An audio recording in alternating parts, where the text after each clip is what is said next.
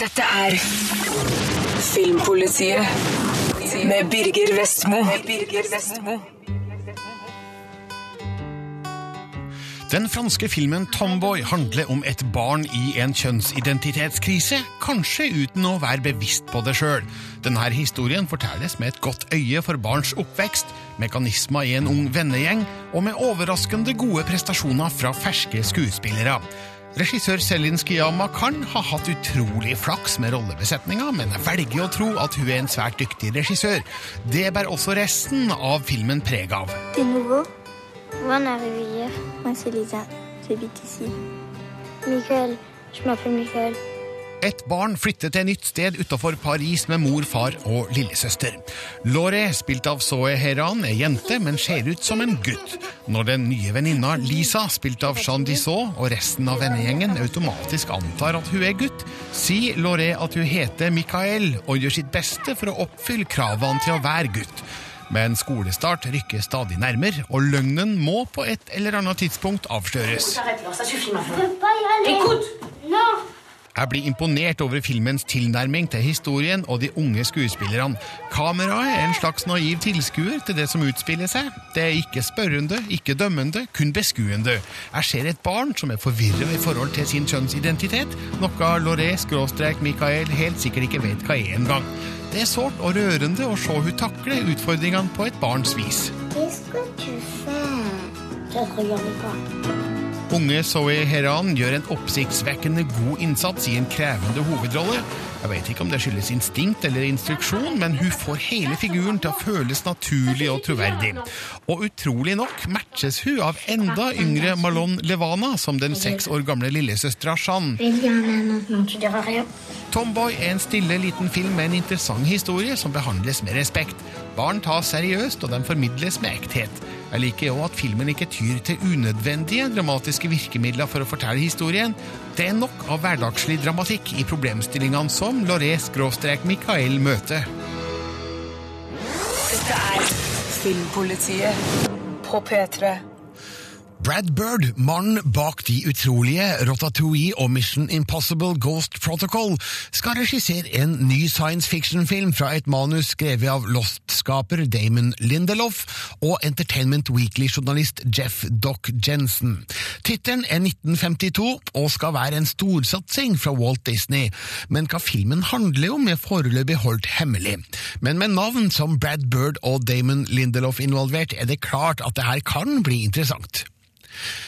En ny Tarzan-film er under planlegging. Edgar Rice Burroughs sin figur er en av historiens mest filmede helter, men nå er det 13 år siden sist vi så den på kino, i Walt Disneys animasjonsfilm. Den nye filmen skal også være animert, men digitalt og i 3D. Det er det tyske selskapet Konstantin Film som står bak, og de har allerede sikra seg Kellen Lutz fra Immortals og Twilight-filmene, og Spencer Lock fra Resident Evil Afterlife til å spille Tarzan og Jane. De skal filmes med motion capture, slik at det er digitale versjoner av dem vi får se i filmen. Reinhard Kloos skal regissere, samtidig har Warner Bros planer om å lage sin egen Tarzan-film, så nå får vi se om de fremdeles går videre med det, og i så fall hvem som kommer først, og eller er best. Den nye traileren for Expendables 2 er nå ut på nett. Den viser blant annet Sylvester Stallone i nærkamp med Jean-Claude van Damme, et bevis på at drømmer faktisk kan gå i oppfyllelse, sjøl om jeg føler at denne drømmen kanskje hadde vært bedre for ja, 20 år siden, er traileren breddfull av explosive action og en Arnold Schwarzenegger som roper I'm back. The Expendables 2 kommer 5. oktober.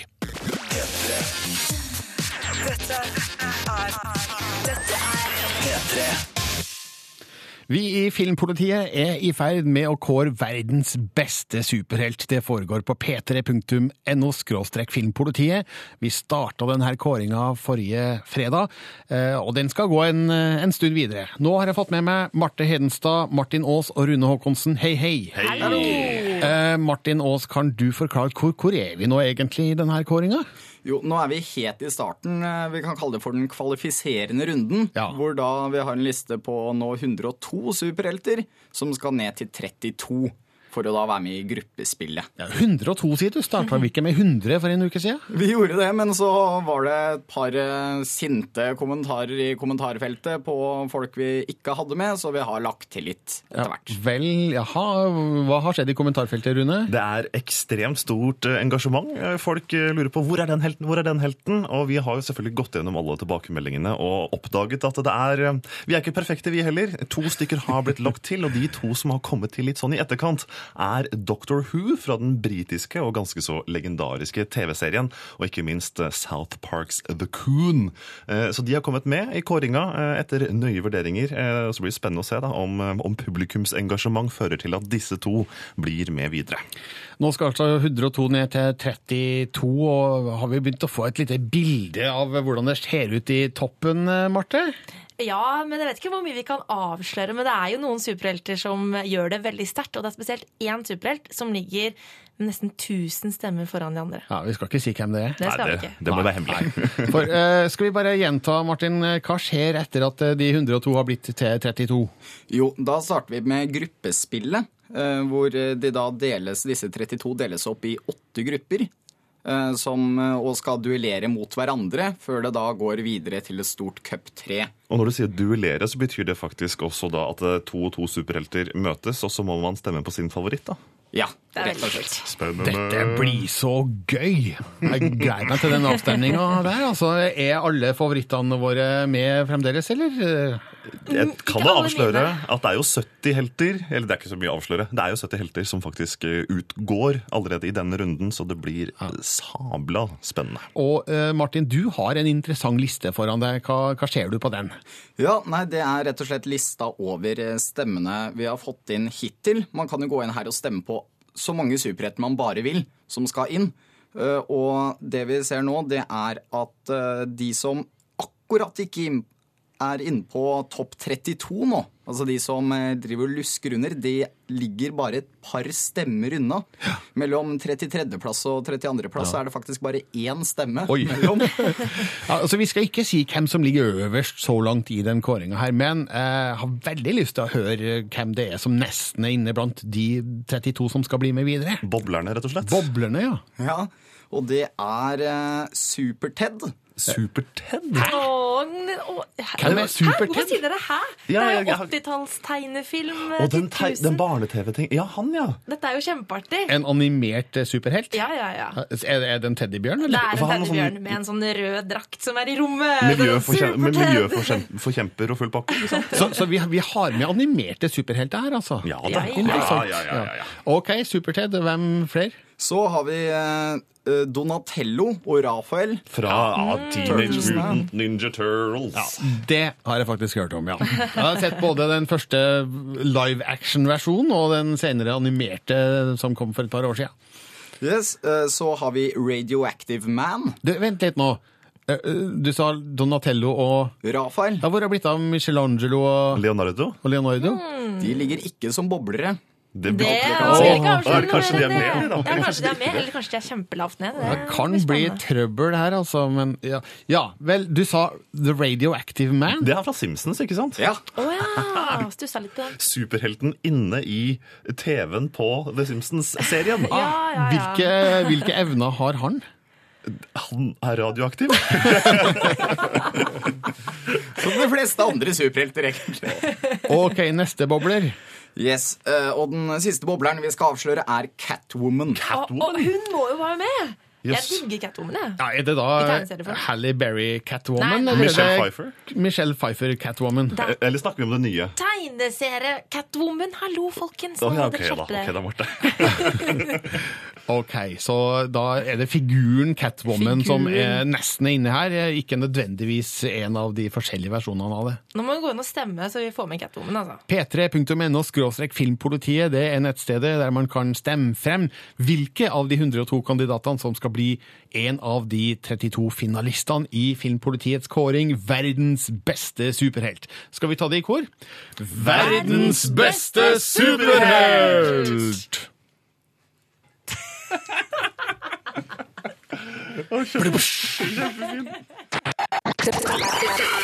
Filmpolitiet på P3. Du hører på Bilspillet Colin McRae Rally, også kjent som Dirt fra 1998, var en stor suksess, som viste at spillverden var klar for realistiske bilspill. For å nå ut til nye spillere har utgiveren Coldmasters nå utvikla det mer actionfylte partyspillet Dirt Showdown. I Showdown er kartleser og realisme erstatta med nitro og kollisjoner. Khalid Asam har tatt en sniktitt på spillet, som har lansering senere denne måneden.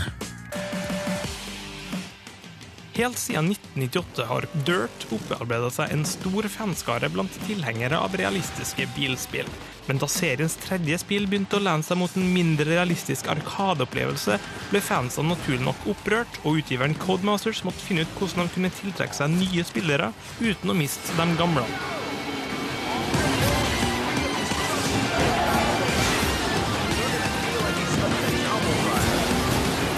Løsninga er den helsprø sideattraksjonen kjent som Dirt Showdown. En adrenalinfylt blanding av biltyper og konkurranseformer for den mer trivielle datasjåføren. Den første tanken som slo meg da satte meg ned med sniktitten av Dirt Showdown, var at kontrolloppsettet både var stramt og intuitivt. Fra første sekund hadde jeg total kontroll over gass, nitro, brems og håndbrekk, og følelsen var dessuten veldig god. Vanlige løp er veldig arkadeorienterte og handler stort sett om å drifte gjennom svingene og bruke nitroen som gir superfart så effektivt som mulig.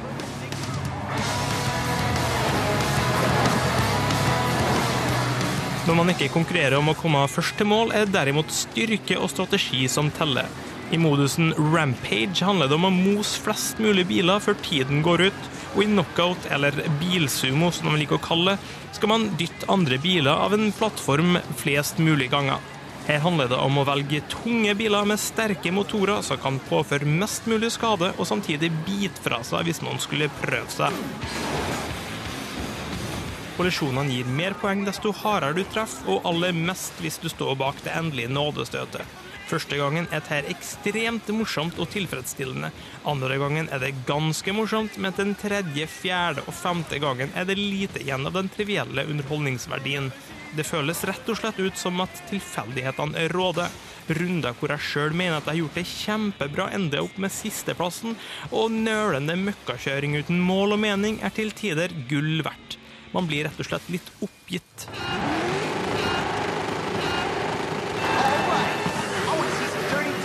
Det jeg har sett av Dirt Showdown, har holdt et høyt nivå når det kommer til kjørefølelse, lyd og grafikk. Musikken er stort sett god og variert, med alt fra harry med en effektiv rock'n'roll til new metal som gir en følelse av at liv og død står på spill. Sjøl om løpene fant sted overalt i verden, var de tilgjengelige banene vanlige asfalterte arenaløyper som ikke gjorde noe særlig ut av seg. Unntaket var Miami, hvor banene hadde hopp med pyroeffekter og var satt til et livlig urbant strøk. Dette er noe jeg vil se mer av. Jeg håper også at kollisjonsbanene som ser ut til å være obligatoriske, får en mindre rolle i den endelige utgaven. De er helt greie i små doser, men som hovedrett er de dessverre litt for mettende. Hvorvidt dette eksplosive partyspillet faktisk klarer å slå an blant bilentusiaster, finner vi ut i slutten av mai.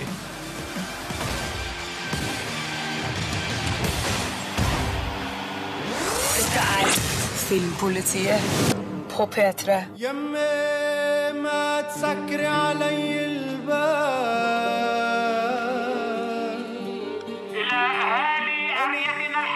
بسم الله الرحمن الرحيم كل أبنائنا بالمسيح. ندعوكم إلى اجتماع تشاور. بخصوص هالاشياء البلطامة اللي عم تعملوها. Kampen mellom religioner er utgangspunktet for regissør Nadine Labakis dramakomedie Hva gjør vi nå? Alvorstyngede øyeblikk er ikke til å unngå, men Labaki blander inn mørk humor for å fremheve absurditeten i konflikten. Det fungerer ofte fint å gjøre det her til en tragikomisk opplevelse. Om det ikke akkurat er en latterfest, så er det i hvert fall et friskt blikk på en stadig like aktuell problemstilling.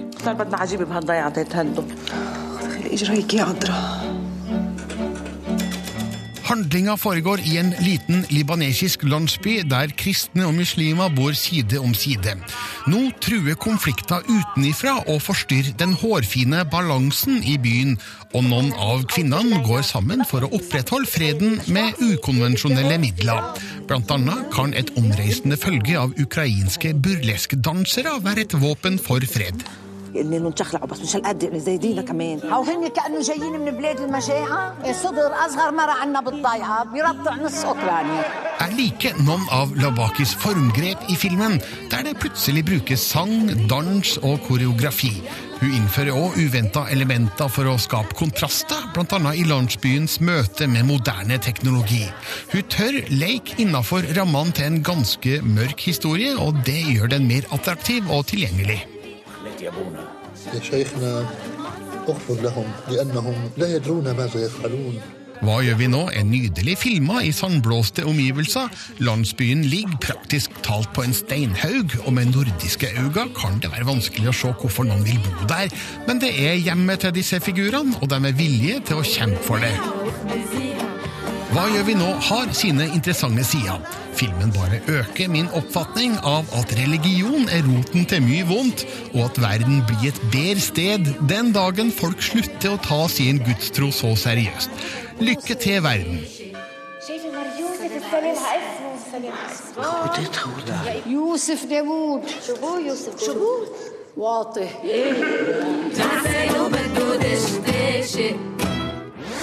Dette er Filmpolitiet på P3. Power is a curious thing. Who lives?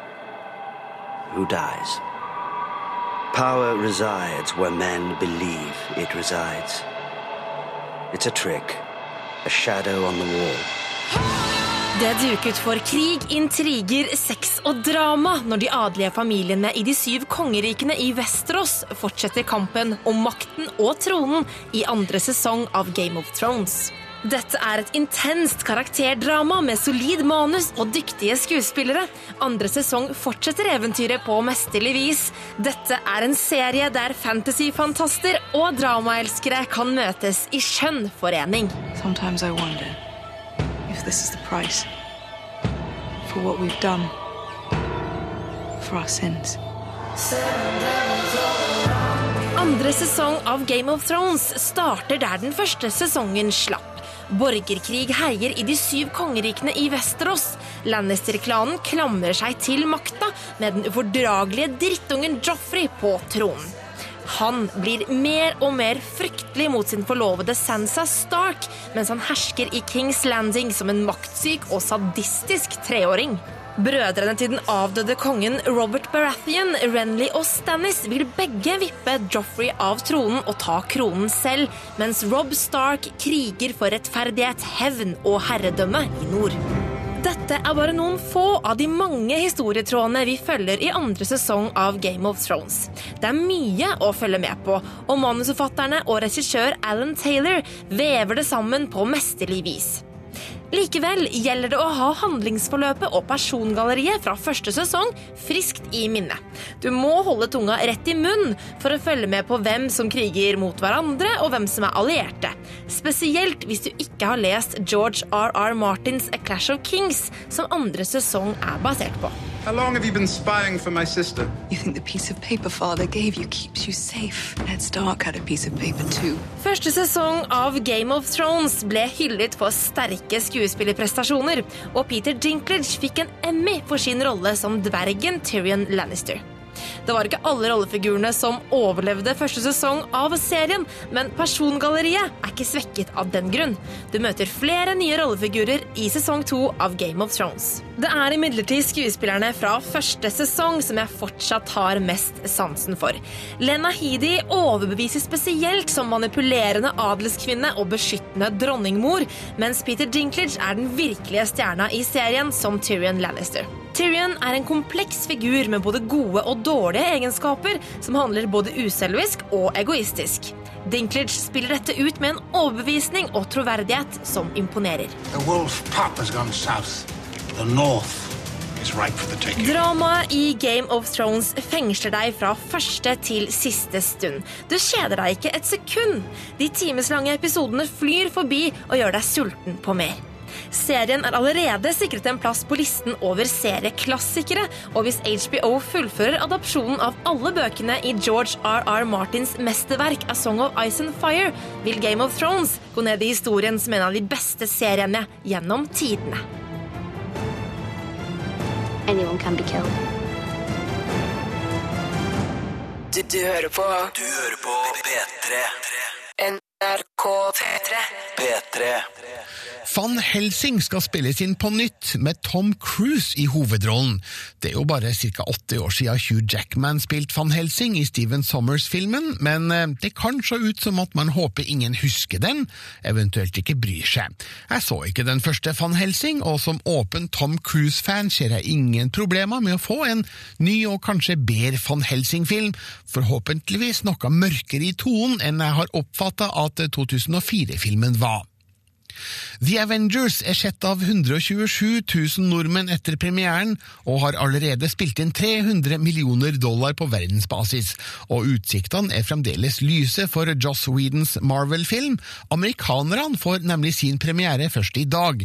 De første visningene i USA starta for noen timer siden, og det antas at The Avengers kan slå rekorden for en åpningshelg, som for tida innehas av Harry Potter og Dødstalismanene del to. Du som ennå ikke har sett eh, The Avengers, hold deg i kinosalen litt uti rulleteksten, for da får du se mer av en fyr vi høyst sannsynligvis kommer til å bli nærmere kjent med i den uunngåelige The Avengers 2. Sørafrikanske Shalto Copley fra District 9 er i ferd med å få dreis på Hollywood-karrieren sin. Vi så han i The A-Team, så ble det stilt. Men nå er han aktuell i flere kommende storfilmer. Han skal spille skurken i Spike Lees nyinnspilling av sørkoreanske Oldboy fra 2003. Så skal han også spille mot Angelina Jolie i Walt Disneys Maleficent.